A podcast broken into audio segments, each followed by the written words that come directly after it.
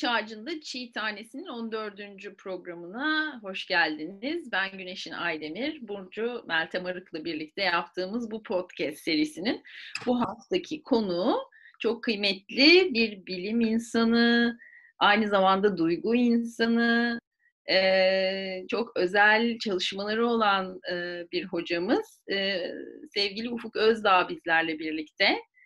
Hoş geldiniz Ufuk Hocam.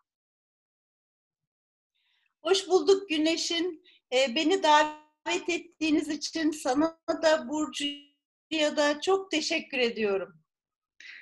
Biz çok teşekkür ediyoruz hocam e, kabul ettiğiniz için. E, ben ilk olarak bir soruyu sormak istiyorum. E, toprak etiği e, alanında çalışıyorsunuz. E, e, ama aslında bir dil bilimcisiniz e, sizi oralardan toprak etiğine, toprak konularına, doğaya getiren hikayeyi bir kısaca dinlemek istiyoruz. Çok merak ediyoruz bunu. E, bize kendinizi tanıtabilir misiniz? Ee, çok teşekkür ediyorum tekrar. Ee, ben Hacettepe Üniversitesi'nde edebiyatçıyım, öğretim üyesiyim.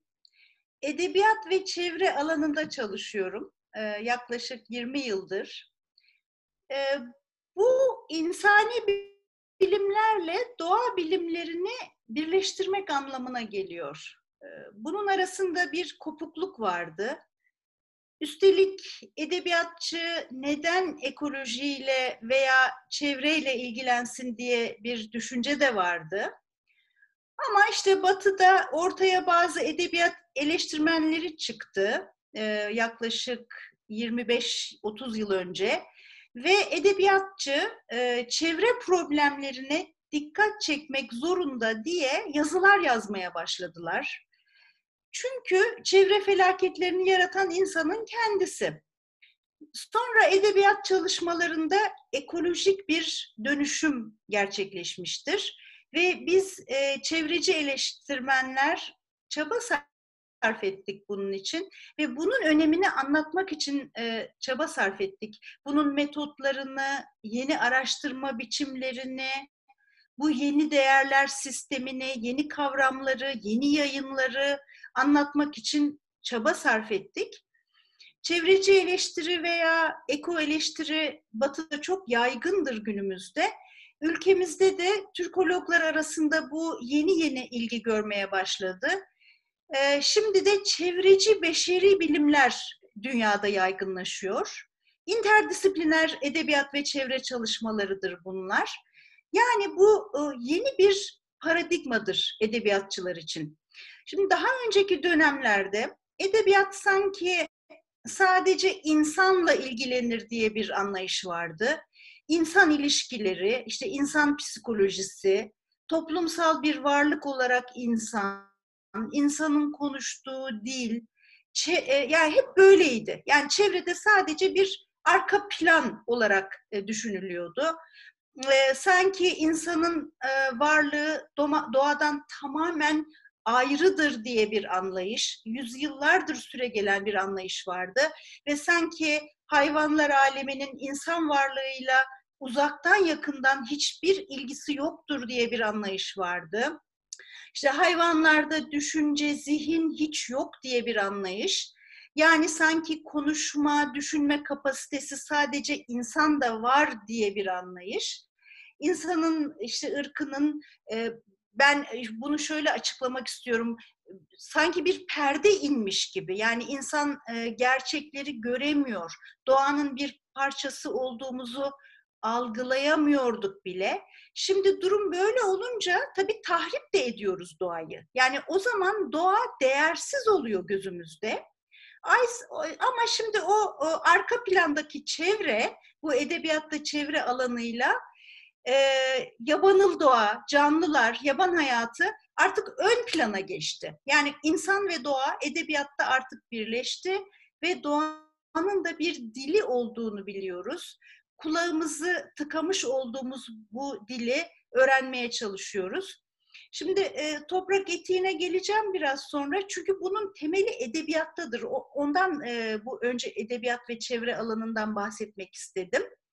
Edebiyatta çevre deyince aslında iki tür edebiyattan bahsediyoruz. Ya kurgusal eserlerden bahsediyoruz ya da benim doğa yazını olarak ifade ettiğim bu kişisel doğa gözlemlerinden bahsediyoruz. Bu batıda nature writing diye geçer.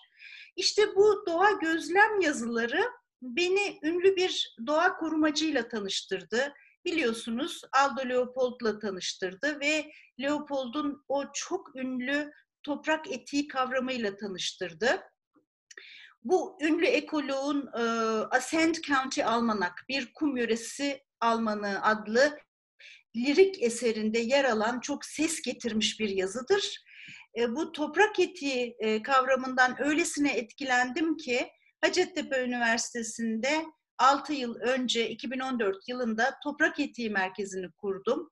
E, yani Leopold'a aittir bu kavram ve bu anlamda e, ülkemizde toprak etiği çalışmalarına öncülük ediyorum ama esasen ben bir ekokritiyim yani çevreci eleştirmenim e, ve e, bugünkü sohbetimiz e, de toprak etiği üzerine, yani çevreci e, eleştirmenliğim üzerine, ekokritik oluşum üzerine şimdilik e, bu kadar söylemiş olayım.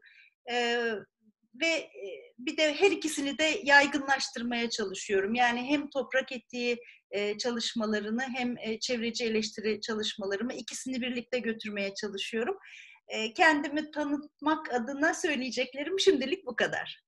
Çok teşekkür ediyoruz Ufuk Hocam. Ee, biliyorum ki aslında yaptığınızın çok tabii sınırlılığından dolayı programının çok e, çok çok özetini geçtiniz. Ben de sizi Toprak Eti ile tanış, e, Toprak Eti sayesinde tanımıştım. 2011 yılında e, Tema Vakfı'nda çalışırken o zaman Yeşil Alev diye bir belgesel yapıldığını fark edip bunu yapan kurumla haberleştiğimde onlar da Türkiye'de Ufuk Özdağ var ve e, o şu anda bunu Türkçe'ye çeviriyor demişti. E, ve sizi bulmuştum. E, benim için büyük bir hazinedir e, o yazışmalar ve sizinle bu sizinle tanışma hali. Peki bize e, hem Aldo Leopold'un kim olduğunu hem de toprak etiğini biraz daha anlatabilir misiniz? Anlatırken e, bir yandan da Hikmet Birand'la Türkiye'den çalışmalar yapıyorsunuz toprak etiğiyle ilişkili olarak. Neden bu isimleri çalışıyorsunuz ve toprak etiği e, sizi neden etkiledi? Nasıl bir e, kavram? Bunu paylaşabilir misiniz bizimle? Ee, şimdi o zaman önce Leopold kimdir? Ee, ondan bahsedeyim Burcu. Şimdi e, bir kere çağının ötesinde bir düşünür Leopold. Amerika'da yaban hayatı yönetiminin ve yabanıl alanlar sisteminin babası olarak kabul ediliyor.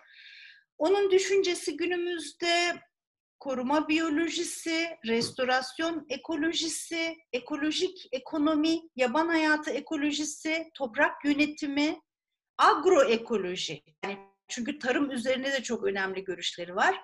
Bütün bu alanlarla özdeşleşmiş durumda. Tabii bir de yabanıl doğa felsefesi var ve bunların hepsi de birbiriyle ilişkilidir. Ee, şimdi bu yabanıl doğa felsefesiyle ilgili bir iki bir şey söylemek istiyorum. Bu e, 1900 işte e, sanıyorum 20'li yılların başı Amerika'nın orta batısında e, bir e, görev aldığı bir e, New Mexico eyaletinin güney batısında bir bölge var. Şimdi e, bu 40 yıllık doğa korumacı kariyerinde bu buradaki e, görevi çok önemli. Şöyle oluyor. 1924 ee, yılında New Mexico eyaletinin güneybatısında Gila Wilderness diye anılan bölgenin Amerika'nın ve belki de dünyanın ilk yabanıl bölgesi yani Wilderness Area olarak tayin edilmesi. O 1924 yılında e, Amerika'da Orman Müdürlüğü Leopold'un önerisini kabul ederek bu New Mexico'daki Gila Nehri'nin etrafını çevreleyen çok büyük bir alanı koruma altına alıyor ve bu bölge ülkenin federal olarak tanınan ilk yabanıl alanı oluyor. Ve daha sonraki yıllarda koruma altına alınacak yabanıl alanlar içinde bir e, model oluşturmuştur.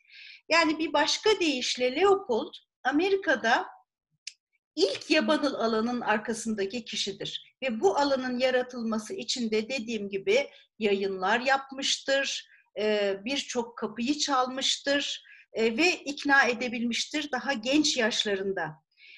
E, şimdi Leopold'un bu yabanıl doğa felsefesinin büyük gelişmesinde de daha sonraki yıllarda bu yabanıl alanlara yaptığı geziler çok önemli bir rol oynamıştır. Bunların içinde 1936 ve 37 yıllarında Meksika'nın Sierra Madre bölgesine yaptığı geziler çok etkili olmuştur. Bu bölgede gördüğü olağanüstü biyoçeşitlilik onun e, toprak sağlığı üzerine görüşlerinin uygun, e, olgunlaşmasını sağlamıştır. Ve e, bu Sierra Madre bölgesindeki Rio Gavilan havzasını geleceğin toprak sağlığı biliminin doğacağı toprak laboratuvarı olarak ilan etmiştir. Yani kendi kendine ilan etmiştir. Daha sonra dikkat çekmek için kendinden işte sonra gelecek bilim insanlarına bir kapı açıyor bu şekilde. Ve kariyerinin ilerleyen yıllarında benzer bakir alanları gelecekte sağlıklı ekolojik süreçlerin gözleneceği dengeli topraklar olarak tanımlıyor. Ona göre e, yabanıl alanlar toprakların geçmişte, günümüzde ve gelecekte durumuna dair bilgi sağladığından bu bölgeler e, toprak sağlığı bilimine hizmet etmektedir. Şimdi sağlıklı topraklar e, aslında toprak etiği sağlıklı topraklar demek. Sağlıklı topraklar da sağlıklı bir ekosistem anlamına geldiği için bir e, sağlıklı topraklar aslında bir referans noktası oluyor. Yani böyle bölgelerin toprak sağlığı araştırma alanları olarak değeri var. Mesela bizde de e, Doğu Karadeniz'de bildiğiniz gibi Palovit bir e, referans noktasıdır. Burası hiç bozulmaya uğramamış diye biliyorum bu bölgeyi. O bölgeye toprak sağlığı araştırmaları için bir e, laboratuvar gözüyle bakılmalı ve hiçbir şekilde e, tahrip edilmemelidir. E, şimdi bu gibi konuları Leopold'un toprak etiği kavramı yoluyla konuşabiliyoruz.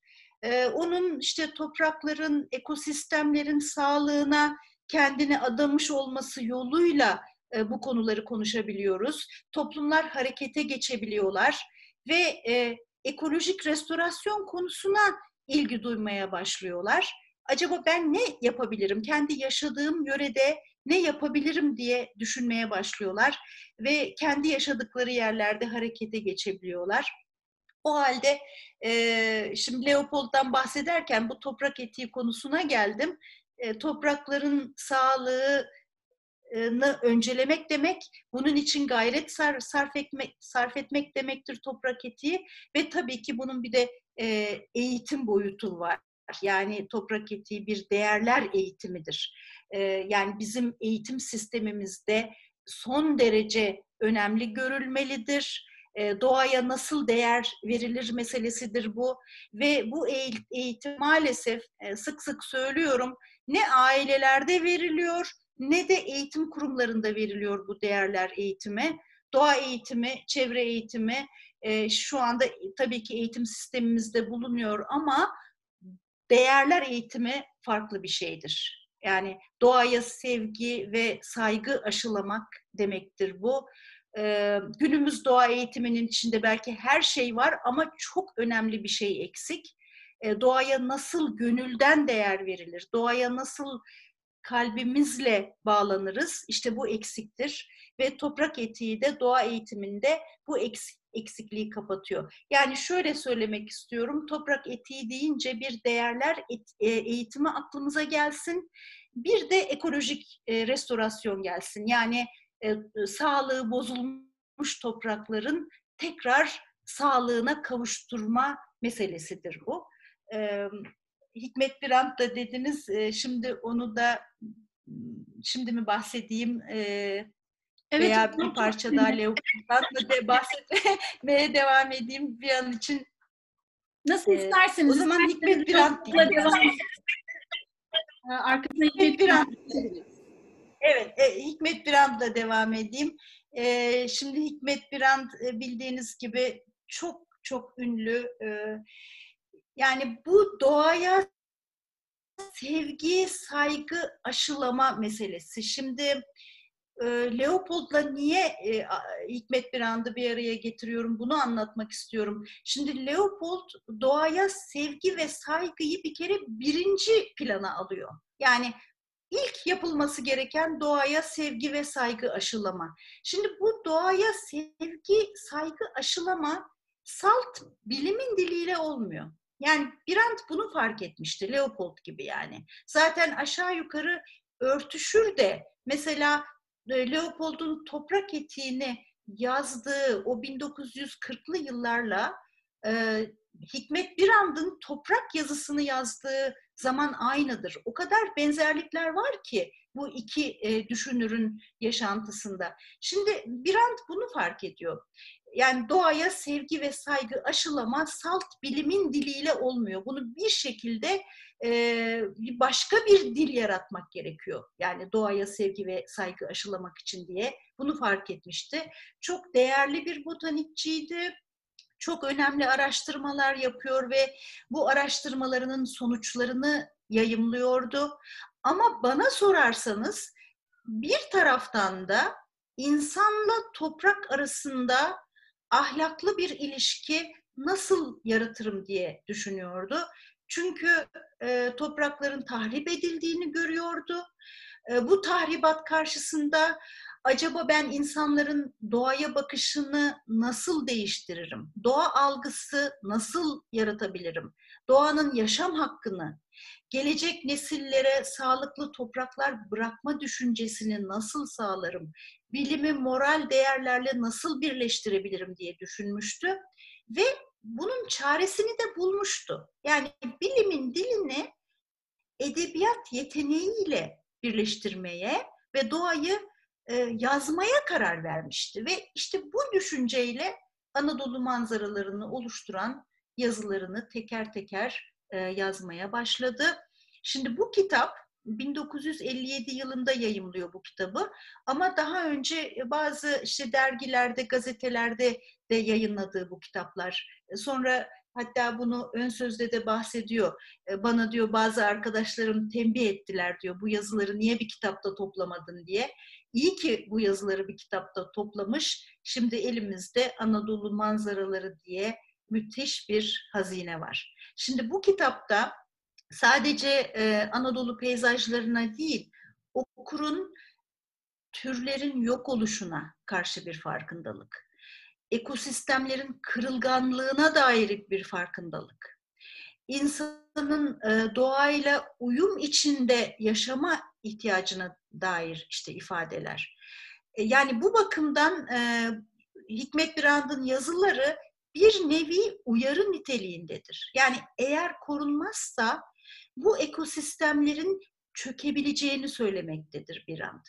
Yani tipik bir doğa yazarı olarak bilimsel içerik yerine popüler bir dil kullanıyor.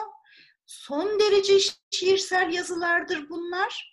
Ve e, dünya edebiyatlarına baktığımız zaman biz bunun fazla bir örneğini de göremiyoruz. Yani bilimin dilini edebiyatla harmanlama fazla yoktur dünya edebiyatlarında. Böyle bir şey yapabilmek doğaya gönül gözüyle, sevgiyle bakabilmeyi gerektirir. İşte Leopold'un da söylediği gibi her şey sevgiyle başlar. Leopold da böyle demiştir. Doğaya sevgi, saygı yani ilk ilk kriter bu demek istiyorum. Ee, ve e, işte böyle yani Hikmet Biran üzerine söyleyeceklerim de şimdilik bundan ibaret. Evet hocam sizi dinlerken aklıma şöyle bir şey geldi. Bu wilderness area meselesiyle ilgili aslında bizim kültürümüzde de e, pek çok yerli kültürde de var bu. Tabu ormanı denen bir kavram var. Ekosistemin tam böyle ortasındaki bütün enerji akışının gerçekleştiği, ekosistemin canının çıktığı, kaynağının olduğu yeri tabu ormanı olarak ilan ediyorlar. Yani bu sözsüz bir hukuk aslında. Evet. Ve e, oradan bir dal parçası bile almak neredeyse yasak. E, Kaz Dağı'nda da böyle pek çok yer var aslında. Baktığımız zaman ekosistemin hakikaten kalbi gibi e, oluyor. E, yani doğayla bağlantısı kopmamış topluluk, topluluklar e, bunu devam ettiriyorlar. E, onu da böyle şey yaptı, ben de çağrışım yaptı, eklemek istedim. E, hocam e, şöyle bir soruyla devam etmek istiyorum aslında son sorumuz. E, toprak etiği dışında sizin bir de e, aslında dışında değil yani o onunla çok bağlantılı e, turna ve geyik hakkında da e, çalışmalarınız var. Bize biraz bu çalışmalardan ve başka e, bağlantılı olan çalışmalar var mı? E, onları e, onlardan bahsedelim mi?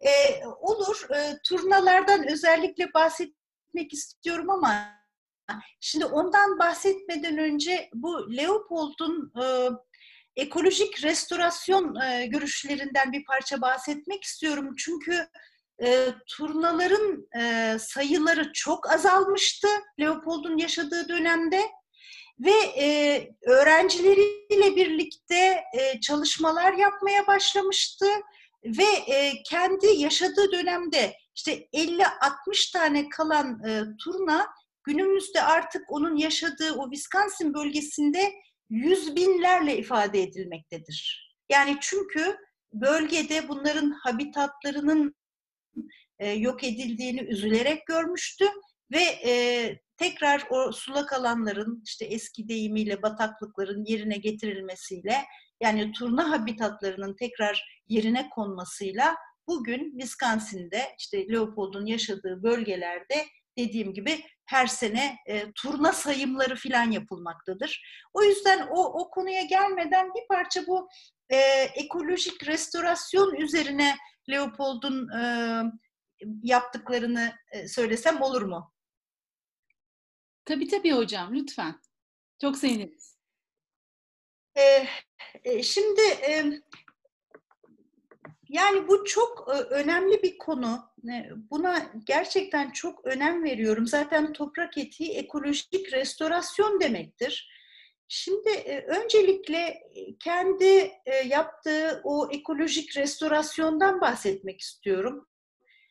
E, bu e, New Mexico'da Arizona taraflarındaki yaptığı o görevden sonra 1920'li yıllarda daha sonra 1930'lu yıllarda Wisconsin bölgesine geliyor. E, burada e, University of Wisconsin Madison kampüsünde görev yapmaya başlıyor. E, burada da Game Management, av hayvanı yönetimi böyle bir kitap yayınlıyor. E, ve bu alanında ilk profesörü olarak e, görev yapmaya başlıyor. Game Management. Daha sonra e, bu alanı e, yaban hayatı ekolojisi olarak genişletiyor bu böyle, e, üniversitede. Aynı zamanda da bir arazi satın alıyor. E, bu kampüse yakın bir bölgede, Barabu denen bir yerde. E, Şek diye geçer burası günümüzde. Şimdi Leopold'un 1930'lu yıllarda özellikle toprakları bozuk, kumlu, erozyona uğramış bir e, çiftlik arazisini satın almasıdır bu olay. Ve burada amacı bir deney yapmak.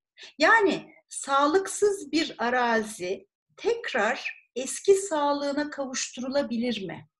Bunun deneyini yapmak istiyor. Çünkü aynı zamanda bunu ee, University of Wisconsin Madison kampüsünde Curtis Prairie denen yerde meslektaşlarıyla yapıyorlar aynı zamanda ve günümüzde e, bu e, üniversitenin kampüsünde yer alan Curtis Prairie e, tamamen işte bozuk bir bölüm.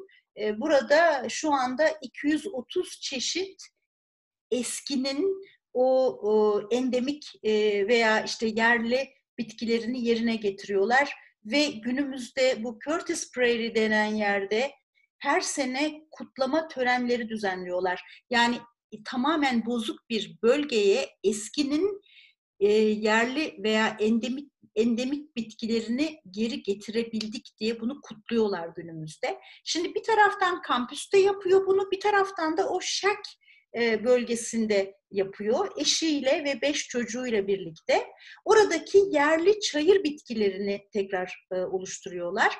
Ve tahmin edersiniz bu çok sabır gerektiren bir şey. 13 yılda 48 bin ağaç dikiyorlar ama bu tabii ki sağlıklı bir ekosistem için yeterli değildir. Bütüncü bir e, restorasyon gerekir. Yani o ağaçların arasına dolduracakları eskinin o yerli çayır bitkilerini de yerine getirmek gerekiyordu. İşte bunun için Leopold e, birkaç tane metot e, deniyor. Örneğin e, kalıntı bölgelerden, mesela mezarlık alanların köşeleri gibi, araba ulaşmamış köşeleri gibi veya tren raylarının araları gibi eskinin o kalıntı bölgelerinden tohum topluyor ve uygun mevsimde kendi arazisine ekiyor bunları veya yine kalıntı bölgelerden üzerinde yerli çayır bitkilerinin olduğu toprak parçalarını arabasının üstüne istifleyip e, bu şark bölgesine getiriyor. Arazisine seriyor bu parçaları e, ve e, çok uzun uğraşlardan sonra hatta e, sık sık işte ziyaret ettiğim yerdir benim şark. Orada her gittiğimde de bu restorasyonun yeni bir boyutunu öğreniyorum. En son gittiğimde bana dediler ki e, ilk denemede başarılı olamadı ikinci denemede de başarılı olamadı, üçüncü denemede diye. Yani çok büyük bir sabırla hem ağaç e, fidan dikimi hem de bu fidanların aralarına çünkü işte bir kum yöresi Almanı zaten adı buradan geliyor. Yöre kumlu yani bozuk, erozyona uğramış. Bir kum yöresi Almanığı bozuk bir arazinin tekrar tamamen eski sağlığına kavuşturulması demek. E, ve bu kitapta da bir kum yöresi Almanı'nda e, ondan da kısaca hemen bahsedivereyim.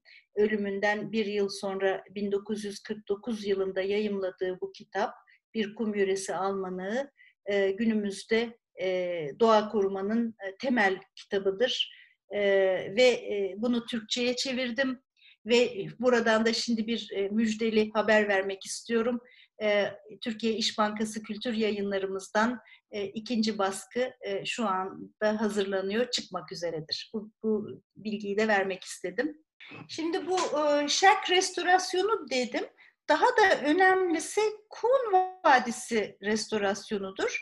Ve dünyada ilk örneği kabul edilen bir restorasyon projesidir bu. 1930'lu yıllarda.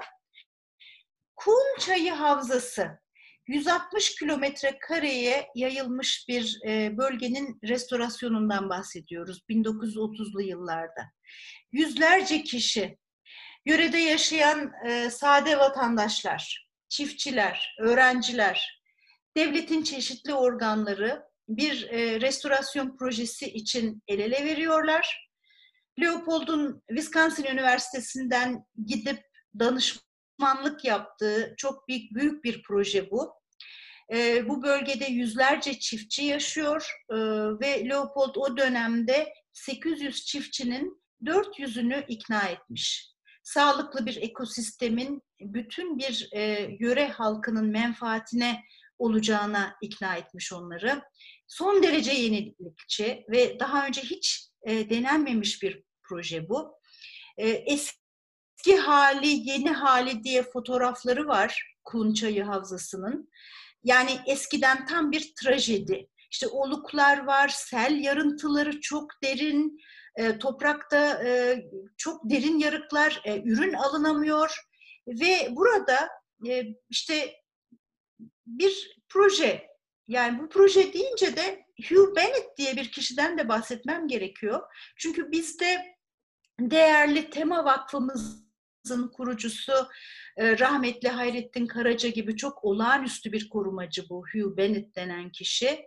Bir takım kampanyalar başlatıyor ve Amerikan Kongresi nihayet Bennett'ın çığlıklarını duyuyor ve bir restorasyon uygulama bölgesi için tam 5 milyon dolar ayırıyor. Yıl 1933. Kongre erozyon kontrolüne 5 milyon dolar ayırıyor. Ve o zamanki Başkan Roosevelt, Tarım Bakanlığı'nda yeni bir birim oluşturuluyor. Toprak erozyonu birimi diye e, bir birim bu. Ve Hugh Bennett'i bu birimin başına e, atıyorlar. Hugh Bennett de ilk iş olarak Wisconsin'in batısındaki e, bu Kun Çayı Havzası'nı uygulama bölgesi olarak seçiyor. Bennett ve ekip arkadaşları bunlar işte çiftçileri ikna etmeye başlıyorlar. İşte bu noktada Leopold da e, danışman atanıyor bu projeye. E, hatta doğa koruma çiftçiliği diye bir de kavram yaratıyorlar bu dönemde. Planlamacılar birçok kişiyle birlikte çalışıyor. Üniversiteler işin içine dahil oluyor.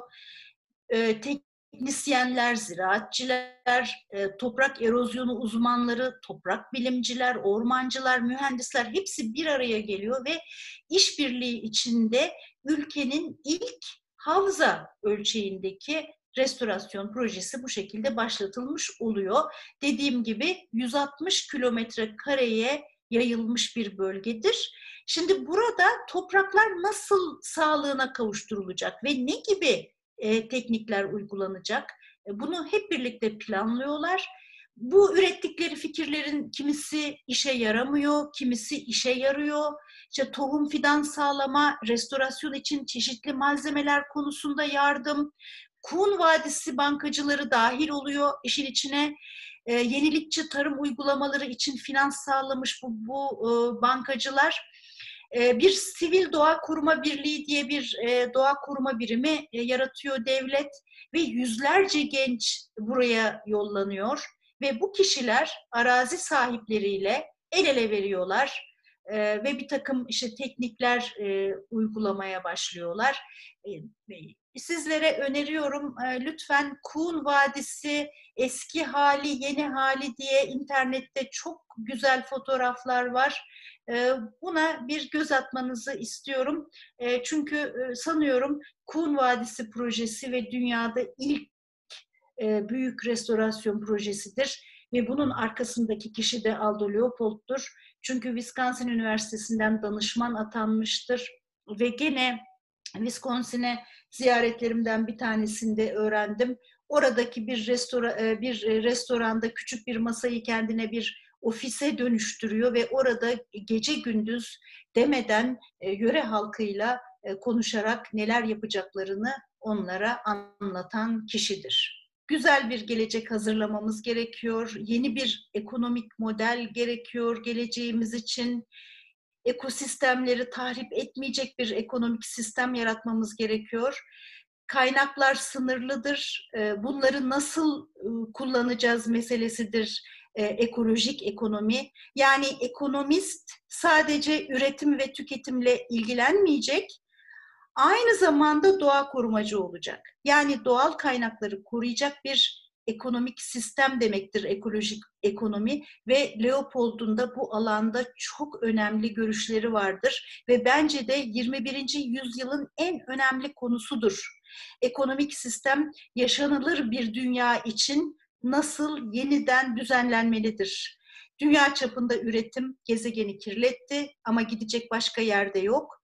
Ee, pazara, markete, işte kendi pazar torbalarımızla gitmekle olmaz bu iş. Küresel kirliliğe, küresel ısınmaya, iklim değişimine, küresel çözümler üretmek gerekiyor ve Leopold işte bu çözümleri üretmiştir. Yabanıl alanların korunması, kaynakların akıllı kullanımı, toprakların sağlığını ön plana almak, ekonomik büyüme denen kavramı yeniden yorumlamak, ilerleme düşüncesini bir tartışmaya açmak, ekonomik sistem e, doğayı ve biyoçeşitliliği kuruyorsa iyi bir yaşam standartımız olacak. Yani bunu anlatmaya çalışıyordu Leopold. Yani yüksek bir yaşam standartı tüketmek anlamına gelmiyor. Leopold e, kısa vadeli ekonomik politikalarını şiddetle eleştiriyordu. E, doğa koruma ekonomisi diye bir yazısı var bakın. Conservation Economics. Bu yazıya dikkatinizi çekiyorum. Conservation Economics, insan ve toprak arasındaki ilişkileri ekonomik menfaatler belirliyor. E bu da doğayı tahrip ediyor. O halde insanın toprakla ilişkisinde çok köklü bir değişiklik gerekiyor. Demek ki biz de ülkemizde artık o klasik ekonomik modeli bırakıp ekolojik ekonomiye geçmek zorundayız. Bu, bu, bunlarla da sözümü bitirmek istiyorum. Ee, sevgili Burcu, sevgili Güneş'in. Çok çok teşekkür ediyoruz hocam değerli vaktiniz için. Ee, umuyorum bu sağ, bu süreci sağlıkla atlatırız. Yüz yüze de sohbet etme şansına sahip oluruz sizinle yeniden. Çok teşekkürler hocam katıldığınız için tekrar. Ben ben teşekkür ediyorum beni programınıza davet ettiğiniz için. Ee, şimdiye kadar yaptığınız bütün programlar çok değerli. Hepsini teker teker dinliyorum. Ee, yolunuz açık olsun. Ee, ülkemiz ülkemizin doğası için, e, sağlıklı geleceğimiz için, sağlıklı bir gezegen için çok önemli e, bir program gerçekleştiriyorsunuz. E, tekrar teşekkür ediyorum programınıza beni davet ettiğiniz için.